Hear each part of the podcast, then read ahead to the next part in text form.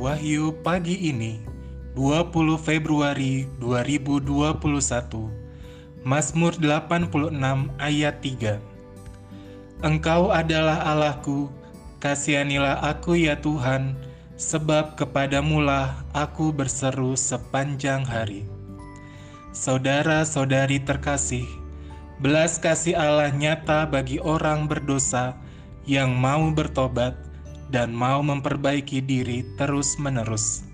Selamat pagi, Tuhan memberkati.